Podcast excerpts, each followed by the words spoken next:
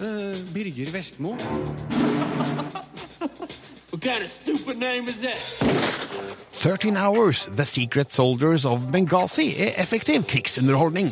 Den danske piken burde vært bedre, men forsvarer Oscar-nominasjonene. Tordenskjold og Koll er befriende respektløs for historiske fakta, og Love er for lite pirrende erotikk. Det her er premierefilmene som anmeldes i dag. Du får òg høre at Kristoffer Hivju stjeler showet i sin debut i krimserien Beck. Erlend Lo forteller om manuset han har skrevet til Tordenskjold og Koll, og du får dommen over spillene Gravity Rush og This War of Mine The Little Ones. Filmpolitiet Filmpolitiet anmelder film.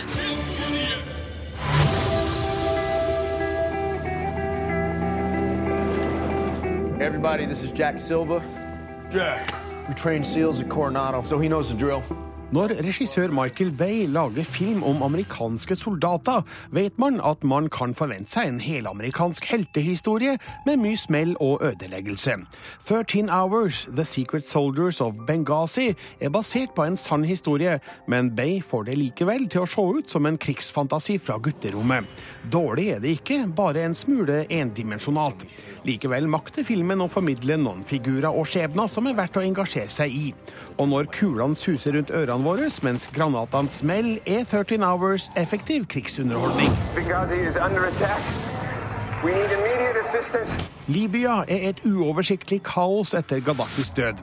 En amerikansk diplomatisk post i Benghazi angripes av islamister i september 2012.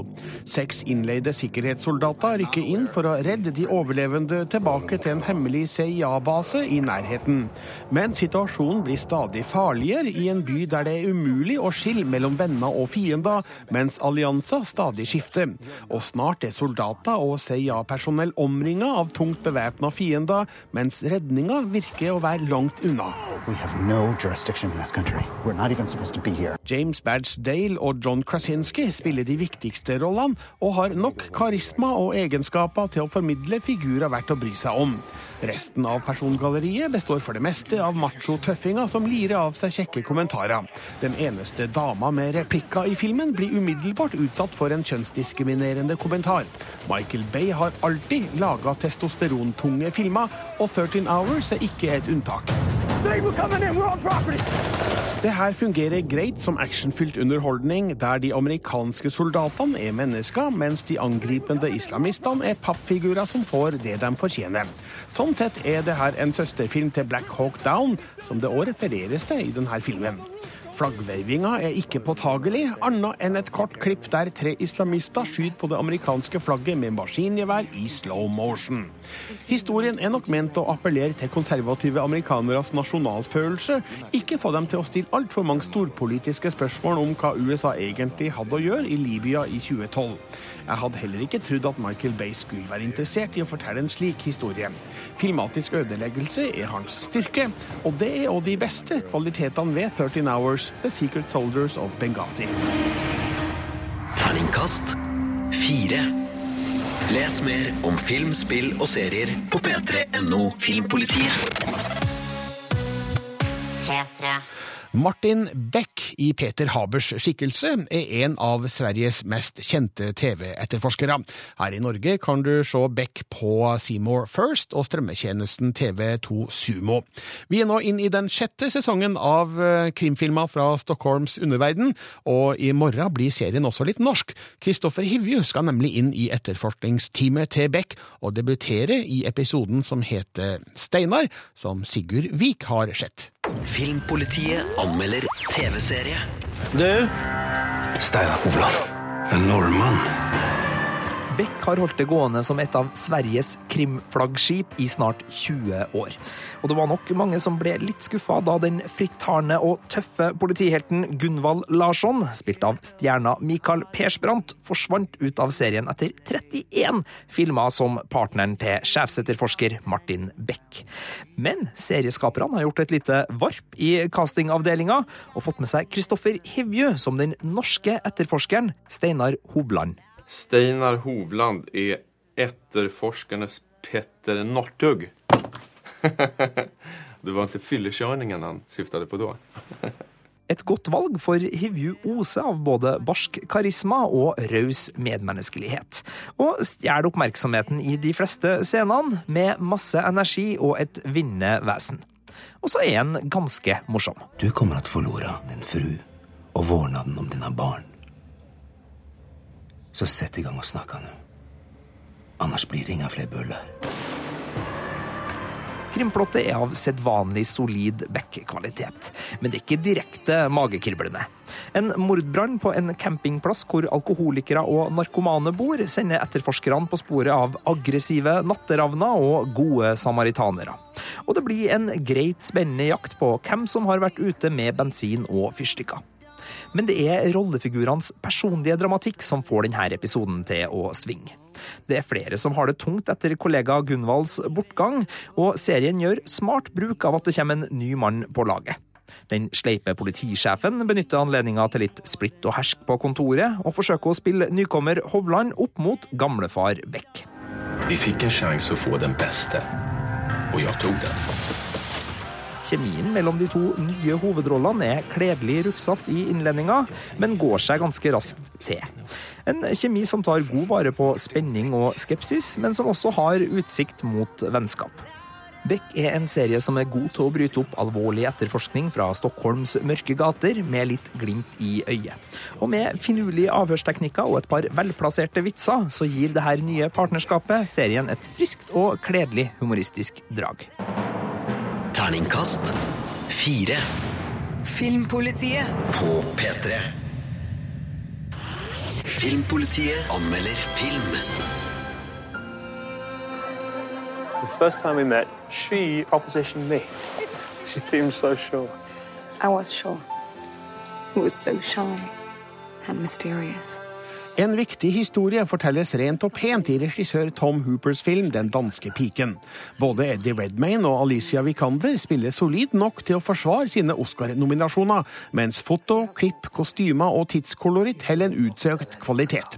Det som trekker ned, er regissørens hang til melodramatiske løsninger, som er med på å sukre historien unødvendig mye og gjør den mindre engasjerende enn den har potensial til. Filmen er flott bevares, men jeg kan ikke fri meg for tanken at den kun og burde vært enda bedre. Is there something you'd like to tell me? Is there something you'd like to know? I'm your wife. I know everything. Ekteparet Einar og Gerda Wegener jobber som malere i København i 1926. Einar, spilt av Eddie Redmayne, viser interesse for dameklær. Gerda, spilt av Alicia Vikander, oppmuntrer han til å kle seg ut for en fest. Men det viser seg at Einars interesse for alt som er feminint, stikker langt dypere, og snart slår hans transseksualitet ut i full blomst som Lilly. Denne situasjonen blir en utfordring, både for karrieren, ekteskapet og forholdet til samfunnet rundt. Exactly what happened last night? There was a moment when I wasn't me. There was a moment when I was just Lily. Einars utvikling og transformasjon til Lilly skildres gradvis og smakfullt. Jeg liker òg hvordan Gerdas reaksjoner fanges opp. Her er det ingen krisemaksimering eller ekstreme følelsesutbrudd. I stedet ser vi en kone med dyp kjærlighet for sin mann, som forstår at han har et behov som han må få lov til å utforske. Senere i filmen kommer de oppskriftsmessige reaksjonene fra samfunnet rundt, i form av mistenksomhet og, i ytterste konsekvens, voldsomheter. The fact is, I believe that I'm a woman. And I believe it too. Eddie Redmayne spiller i bunn og grunn to forskjellige personligheter i denne filmen. Han veksler mellom dem med stadig færre forskjeller, etter hvert som Lilly tar over for Einar. Det er en modig, nyansert og velspilt rolle. Alicia Vikander, en av nåtidas mest spennende filmstjerner, spiller også rolig og avmålt som Gerda, en sterk kvinne som kjemper for å beholde mest mulig av Einar, samtidig som hun lar Lilly ta den plassen hun trenger. I want to sketch you. Lily. Den danske piken har dessverre litt for mange øyeblikk der følelsene skrus til elleve, og regissør Tom Hooper prøver for hardt å nå hjerterota. Lidelsesskildringene blir for vakre, tannløse og intetsigende. Oscar-bait, tenker jeg i mitt stille sinn. Det er synd, for filmen har ellers flere gode elementer, godt skuespill og forteller en viktig historie fra virkeligheten som mange vil finne interessant. You will not tell anyone about this. Terningkast fire. Filmpolitiet. Dette er P3. Filmpolitiet anmelder spill.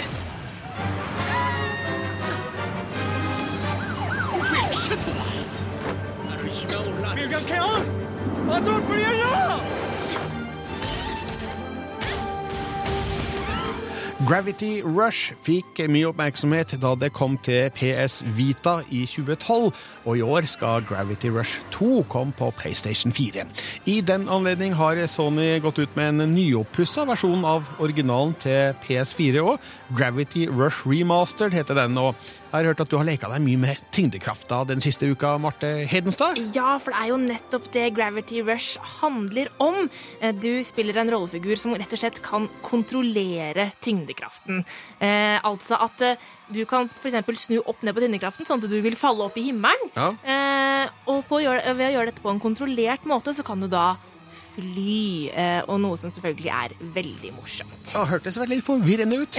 ja, Altså, det er litt forvirrende. eh, Hva er målet for spilleren i Gravity Rush? Ja, altså det her er jo da et ganske tradisjonelt japansk rollespill. Ja. Eh, Du spiller en rollefigur som heter Cat, som våkner opp i en by som heter Hexville, som er en sånn flyvende by. Hun har hukommelsestap, vet ikke hvem hun er, men hun skjønner etter hvert at hun har da disse kreftene.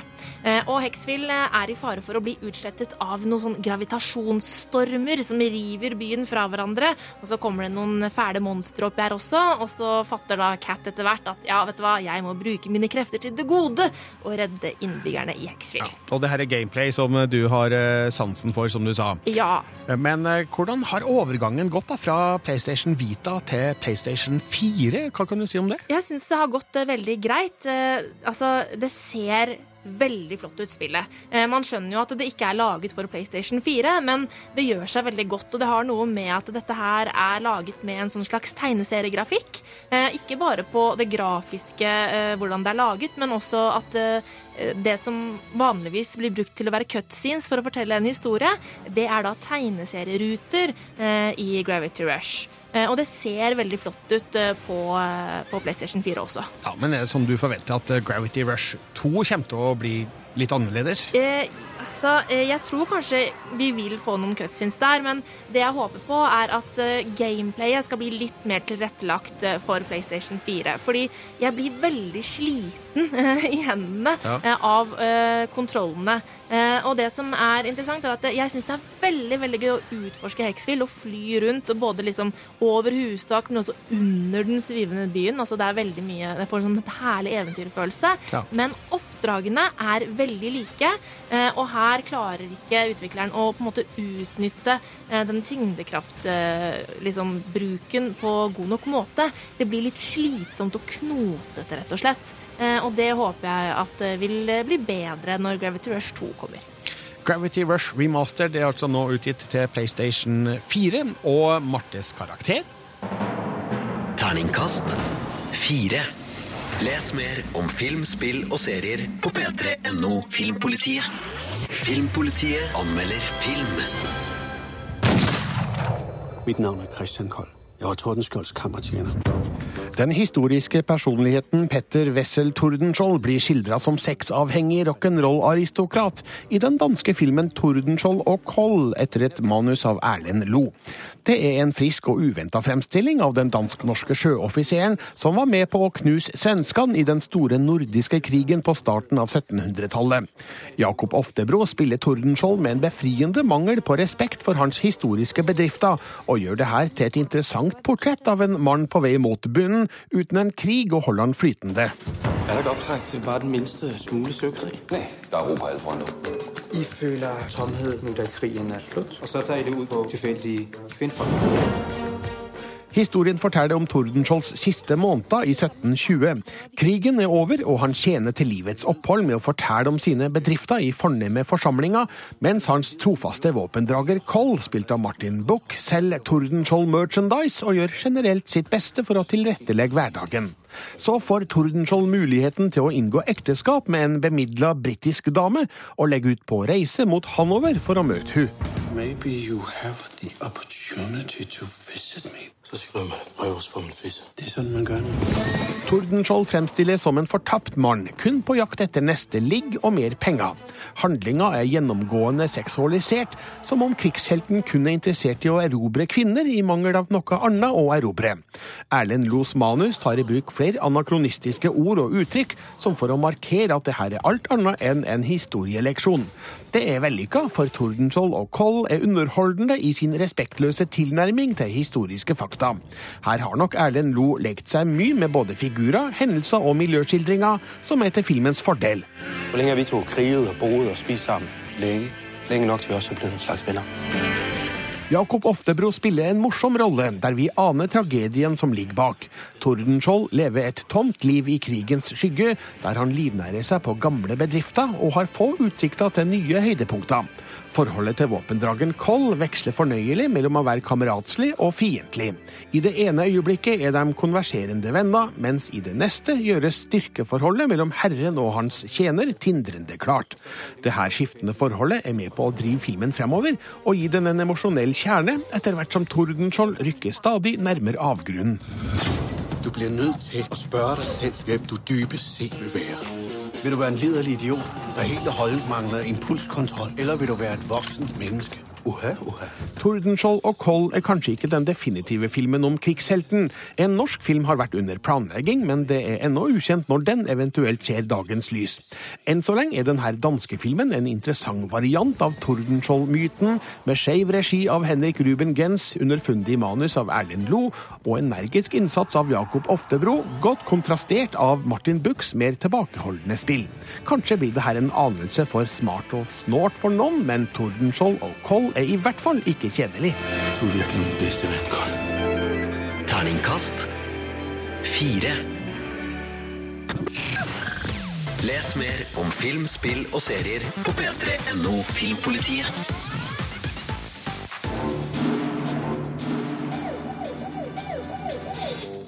I sted hørte du min anmeldelse av den danske premierefilmen Tordenskjold og Koll, der manuset er skrevet av forfatter Erlend Lo, kjent for bl.a. boka Naiv super og manus til filmer som Detektor og Nord.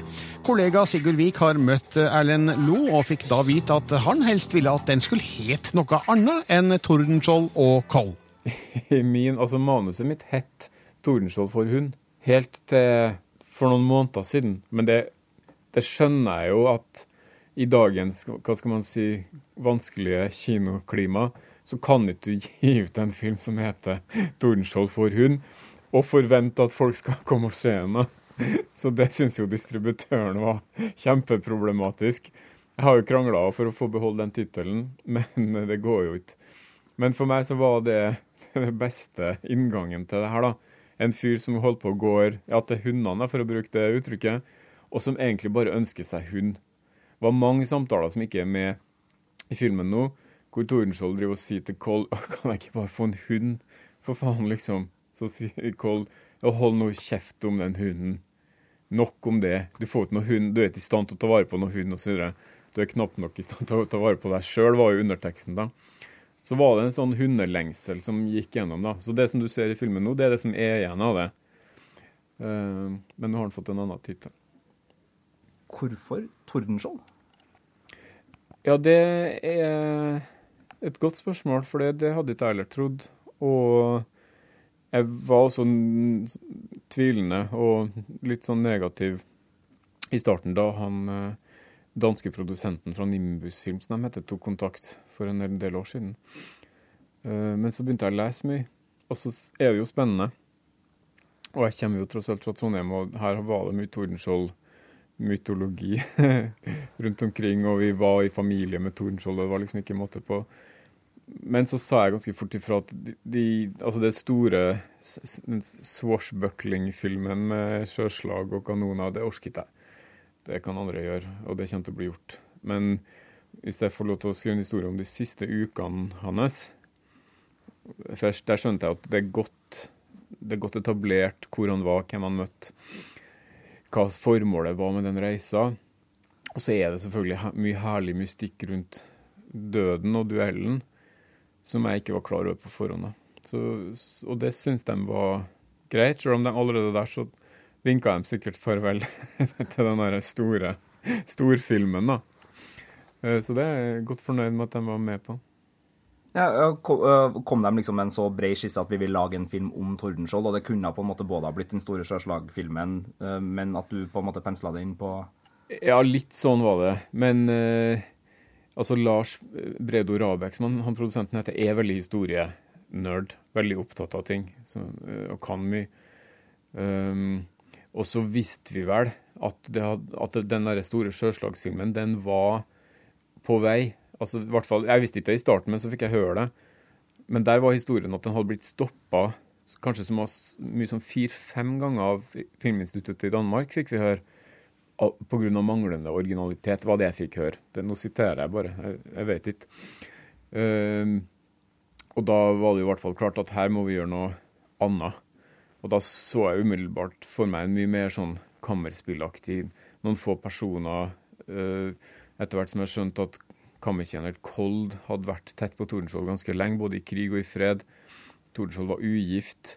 Så ble det sånn naturlig å se for seg at Kold kanskje kunne ha vært en fyr som passa på, sånn var litt støttekontakt, hjalp til litt, prøvde å glatte over osv.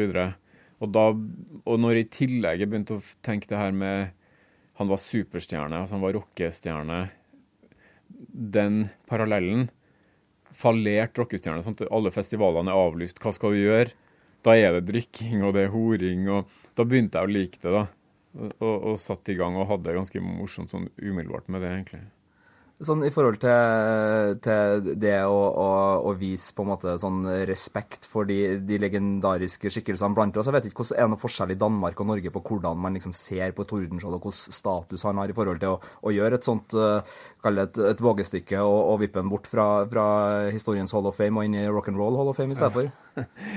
Jeg lurer på om de kanskje dyrker den i enda større grad i Danmark. Det er inntrykket mitt, da. Det vet jeg ikke, men det får jeg litt inntrykk av. Men det, det som jeg føler her, er at vi tar han jo ikke ned fra noe pidestall. Han er jo den han var. Han har gjort det han har gjort. Men her får han en slags sånn emosjonell, selvfølgelig mindre maskulin, sånn sett med den tidas øy- øyne, eh, reaksjon etterpå, da. Eh, Men jeg syns jo at det bare menneskeliggjør han. Han blir jo ikke noe mindre helt for det. Og det morsomste så langt fra mottagelsen i Danmark, som har vært crazy og gått i alle retninger, virkelig, er jo at sånne historikere på universitetet og Tordenskiolds venner, som er en Altså, der sitter eksperter sant, og virkelig tunge yrkesmilitære pensjonister som kan alt om det her. De så filmen og elska den. Det var liksom ikke en måte på hvor frisk de syntes det var. For de er i stand til å se at vi har fulgt alle kjente fakta til punkt og prikke og bare leker med det.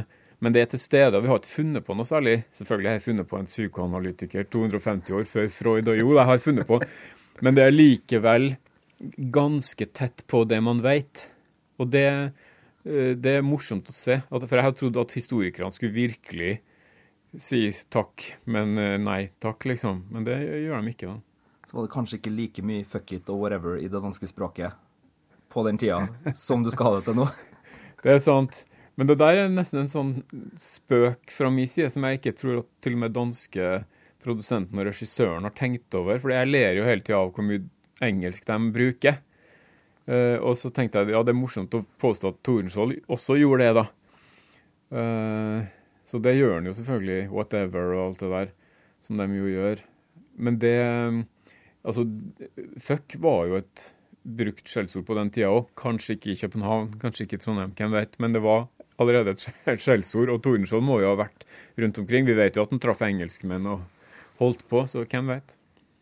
Eh, Du er jo inne på den her rockemyten. Den er jo ganske sentral her. Eh, Hvor kommer inspirasjonen der fra? Er det liksom en personlig fascinasjon eh, av eh, rockere du har dratt med inn her, eller hvor har du henta den delen av historien fra? Jeg syns det lå, lå veldig naturlig der, for han, han er på den alderen hvor rockere er, hvis de dør sånn som rockere skal dø, 27, 28, 29, og, og har på en måte allerede lagt igjen en stor arv, har det på en måte bak seg. Du kan godt dø fordi du har gjort det som du skulle gjøre, og det hadde han gjort da. Og så var det jo, nå var det stillstand, det var fred, det var drikking. Vi vet at han drev og betalte mannfolk for å ta på seg graviditeter i København. Så alt ligger der. Vi vet også at når han kjørte inn i fremmede byer, så ble han av og til møtt med altså, jubel. Broene var liksom så fulle av trengsel at vogna kom ikke gjennom. Han var den stjerna. Og så har jeg selvfølgelig funnet på det der med at han turnerer med fortellinger om Dynekilen.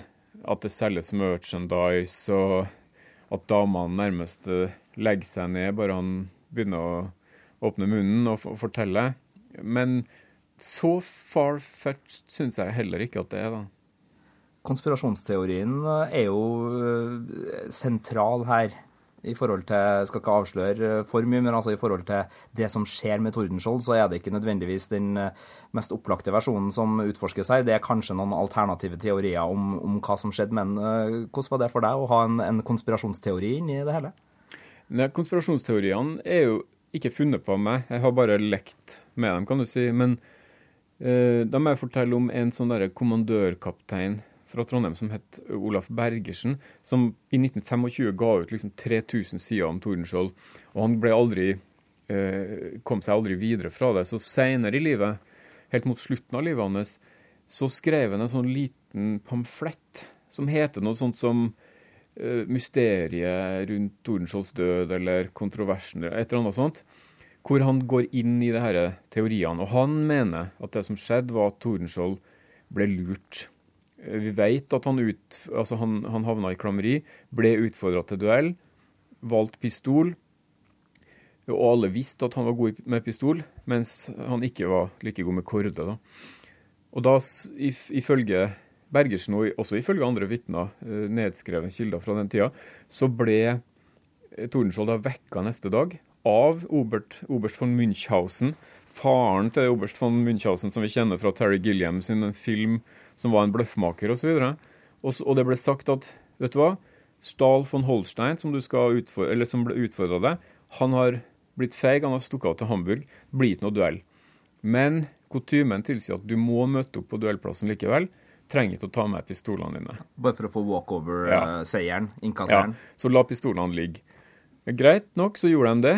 Kom han ut utafor Hanover i skogen der. Masse folk, vitner, sånn som det skulle være og Stahl von Holstein var der. Det skulle være duell. Pistolene var ikke med. Han hadde bare en sånn pyntekorde, mye mindre enn den korden som motstanderen hadde, og døde på første stikk. Og det har vært spekulert. Er det sant? Hadde han bare en sånn korde? Hvem sto bak?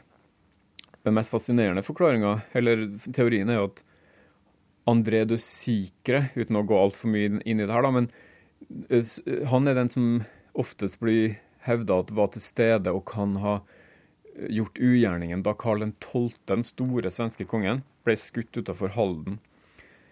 Han kan ha gjort det, han kan ha vært en leiemorder. Og han var også til stede når Tordenskjold døde. Og det svenskene hata selvfølgelig Tordenskjold pga. 30 år eller 20 år med krig. Eh, så her er det mange. Og det er også sånn at dronninga, eller danske kongen sin elskerinne, mislikte den. Mange mislikte den. Han hadde, han hadde gått forbi utrolig mange i køen for å bli viseadmiral, sto ute og venta på noen.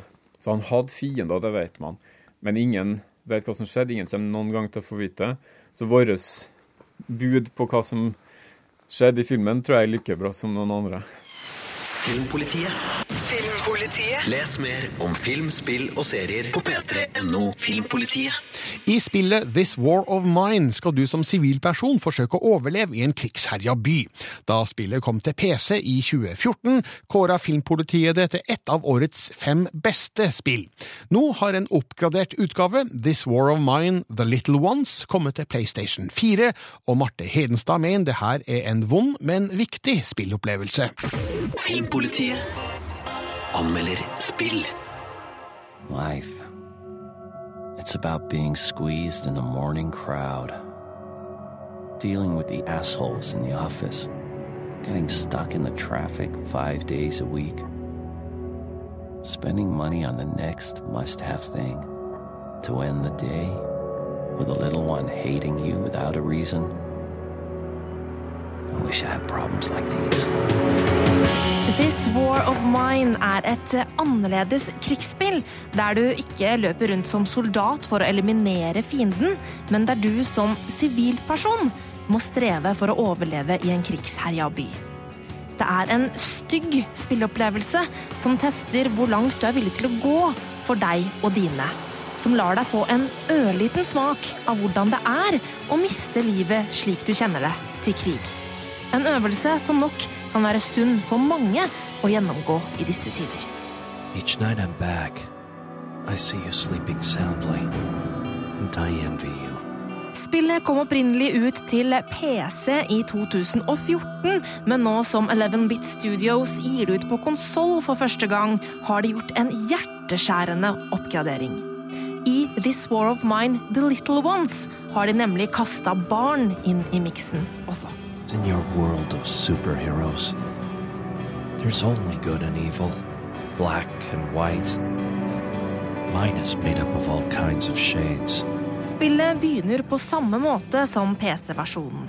Vennene Bruno, Pavlo og Marco har søkt tilflukt i et tomt hus i den fiktive krigsherrede byen på gården. Ved spillets start er én rollefigur syk, mens en annen er skadet. Alle blir raskt sultne og slitne. Og for å klare å overleve krigen må de gjøre hjemmet sitt trygt. De må skaffe mat, vann og sist, men ikke minst, medisiner. Hele veien er det en kamp å prioritere hva du skal bruke krefter på. Hvem som skal gjøre hva, og hvem som skal få hva. Hvem får spise hvis du bare har nok til én? Skal du rane noen andre for å redde deg selv? Det er en vanskelig balansegang, for rollefigurene dine reagerer slik virkelige mennesker gjør. De blir utslitt, triste og deprimerte. No right. Etter et spill med Bruno, Pavlo og Marco åpnes flere rollefigurer opp, og etter hvert får du muligheten til å ha med et barn som du må forsørge. Og spillet legger opp til at det alltid er en voksen som skal forsørge barnet. Klarer du ikke det, blir det tatt fra deg. Barnet kan aldri dø, og hvis den voksne rollefiguren stryker med, er det alltid noen som hjelper den lille som er igjen.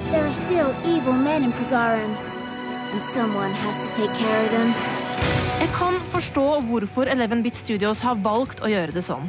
Ingen vil jo se et barn dø. Samtidig gjør dette at spillet ikke får like hard emosjonell slagkraft som det kunne ha hatt. Virkeligheten er brutal, og This War of Mine, The Little Ones, kunne ha vært enda råere. Likevel er dette en spillopplevelse som gjør dypt inntrykk, og hvis du ikke har testa spillet enda, bør du benytte muligheten nå. And hope that you've done the right thing. Whatever that means now. Terningkast 5. Les mer om film, spill og serier på p3.no Filmpolitiet. Filmpolitiet hver fredag fra 11 til 1 på P3. Filmpolitiet anmelder film.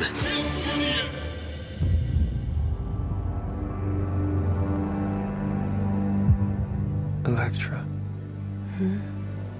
What is your ultimate fantasy? Den argentinske regissøren Gaspar Noé har sjokkert kinopublikum med filmer med sterke virkemidler som Alene mot alt, Irreversibel og Enter the Void. I den franske filmen Love forsøker han òg å sjokkere med saftig sex, men dessverre er det her en heller slapp opplevelse. Filmen er altfor lang, historien er platt og banal, og skuespillerne spiller flatt og uengasjerende.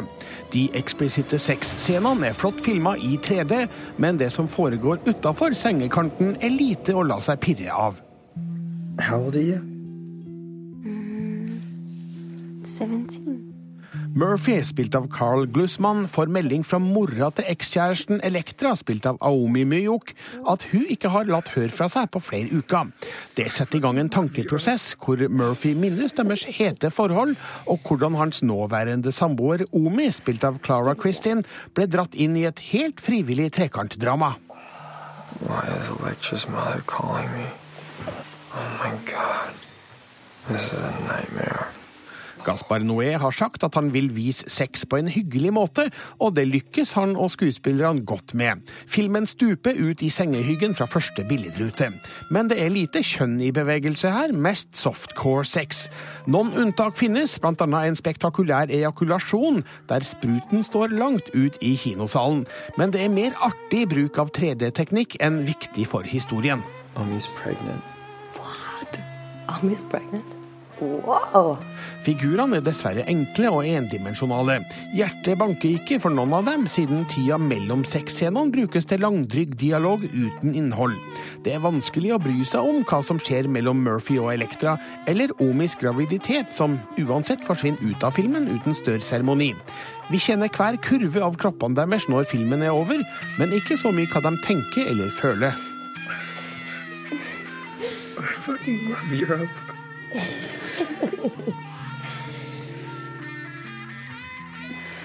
Give me that. Love fremstår som en svak historie som er forsøkt redda med het sex, så vi ikke gjennomskuer manuskvaliteten. Det visuelle er ofte smakfullt og vakkert gjennomført, kroppene er veldreide og ekstasen troverdig. Den kunne blitt riktig så interessant om Gaspar Noé hadde skrevet et sterkere manus og hatt mer interessante skuespillere foran kamera. Men Love har ikke nok å by på utover den heftige sexen til å vekke begeistring i andre deler av kroppen. Terningkast tre. Filmpolitiet anmelder TV-serie. Ligger fortfarande ändra oss.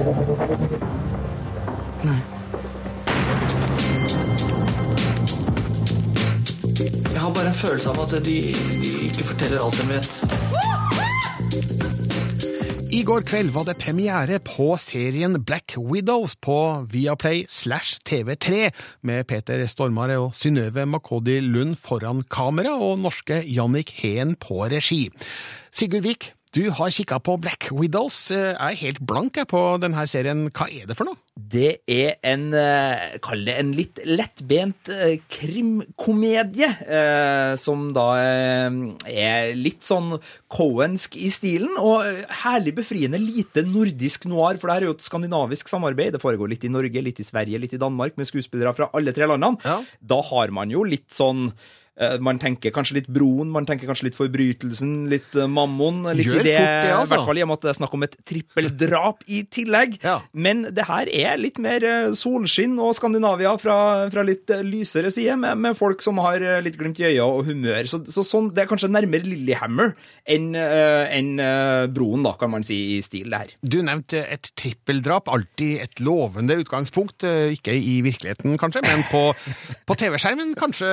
Hva er det for noe som skjer Nei, det er tre ektemenn som er ute med båten sin, og så smeller det i en god gammeldags eksplosjon. Jeg avslører så mye, for det her skjer helt i starten av episode 1. Og så står det tre fruer igjen på brygga, og det er jo da tre enker som eh, kanskje ikke er så misfornøyd med å bli enker som, som står igjen her. Det er eh, Rebekka, Johanne og Kira, altså en fra Danmark, en fra Sverige og en fra Norge, som spilles av henholdsvis Cecilia Fors, Synnøve Makodi Lund og Beate Bille. Og de eh, har da sitt liv etter det her. De møter jo selvfølgelig noen politimenn som kommer og etterforsker. Der er annet Peter Stormare med i etterforskningsbiten. Og så oppstår det selvfølgelig komplikasjoner når de både skal holde på hemmeligheten sin. I tillegg så viste det jo seg at disse ektemennene drev kanskje med litt eh, snusk på si, så det kommer jo også noen kamerater, og så er det noen pengebager, og så er det litt forskjellig. Så. Jeg tenker at På sånne nordiske TV-produksjoner der det absolutt skal være én fra hvert land, så er det litt sånn påtatt og konstruert, øh, føler jeg av og til. Hvordan er det i Black Widows? Ja, det er mer litt sånn tamt i starten, og det er litt sånn uh, vanskelig å si hvor det her skal gå, fordi den bruker de to første episodene av åtte tror jeg, på å etablere veldig mye uten at den liksom kommer i gang. Altså Peter Stormare spiller en uh, etterforsker som har potensialet til å bli en veldig sånn snedig skrue og en morsom type, men han har ikke begynt med det ennå. Og det her trekløveret av kvinnelige hovedrolleskuespillere virker som de kan ha en litt sånn lovende dynamikk. Det er litt tørrvittighet, det er sjarmerende, det er mye litt sånn øvre middelklassehumor. Men den har liksom ikke sittet ordentlig i gang ennå, så, så jeg er litt sånn på gjerdet. Jeg vet ikke helt hvordan det her blir. Det kan bli litt sånn lett Cohen-bra. altså Den har veldig mye likhetstrekk med Fargo, både i, i altså filmen Fargo, både i handling og, og for så vidt i Petter Stormare også, som spiller i begge deler. Men, men den har ikke satt i gang ordentlig ennå, føler jeg. Så, så lovende light, men, men nei.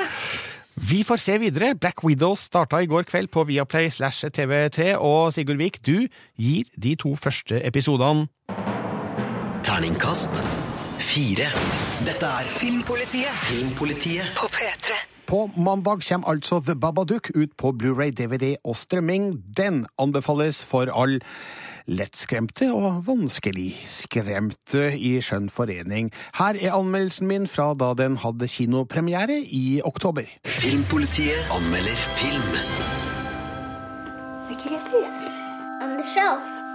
If it's in a word or it's in a look, you can't get rid of the Babadook. A rumbling sound, then three sharp knocks. Ba-ba-ba-duk, duk, duk. That's when you'll know he's around.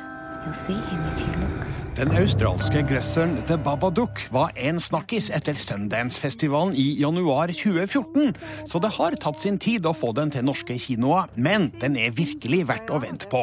Det her er en genuint skremmende film, full av marerittaktige bilder, som ikke først og fremst skal få deg til å skvette, men lur deg inn i en konstant tilstand av uro og frysninger. Og jeg kan love at det fungerer, for The Babadook er en oppvisning i hvordan en regissør kan skremme mye ved å vise lite. Nothing bad's gonna happen, Sam. Amelia, spilt av Essie Davies, er alenemor for Samuel, spilt av Noah Wiseman, en vilter åtteåring med betydelige atferdsproblemer. Han er slitsom, hun er sliten. En kveld finner Samuel ei bok mora ikke visste de hadde, nemlig Mr. Babadook. Men etter hvert som hun leser den for han, innser Amelia at det her slett ikke er en hyggelig barnebok, men en mørk og forstyrrende regle med skumle utbrettsbilder. Boka legges vekk, men det er for seint. Mr. Babadook er vekka til live og vil inn i huset. It's just a book. It can't hurt you. Filmen skildrer godt Amelias hverdag i en grå jobb og utfordrende hjemmeliv. Samuel er gjenstand for stadige bekymringer, og filmen viser med små grep hvordan hun aldri har fri. Sønnen henger på hun konstant, livet er i en stadig limbo, og har redusert Amelia til en skygge av den hun en gang var. Etter hvert vekkes mistanken om at Mr. Babadook representerer hennes egen indre angst, demoner og skyldfølelse. Amelia spilles overbevisende godt av Essie Davis, mens Noah Wiseman er hjerteskjærende som storøyde og energiske Samuel. I promise to protect you if you promise to protect me. Oh my god. The Babadook kan minne om et mareritt som et barn kan ha, bare med en voksen tilnærming. Det er noe grunnleggende skummelt med skrekkscenarioene her, som minner meg om noe jeg kun har følt som liten gutt. Manusforfatter og regissør Jennifer Kent gjør en imponerende spillefilmdebut som bygger videre på hennes egen kortfilm Monster fra 2005. The Babadook er en frisk og original grøsser, og noe av det skumleste jeg har sett de siste åra, ved siden av It Follows.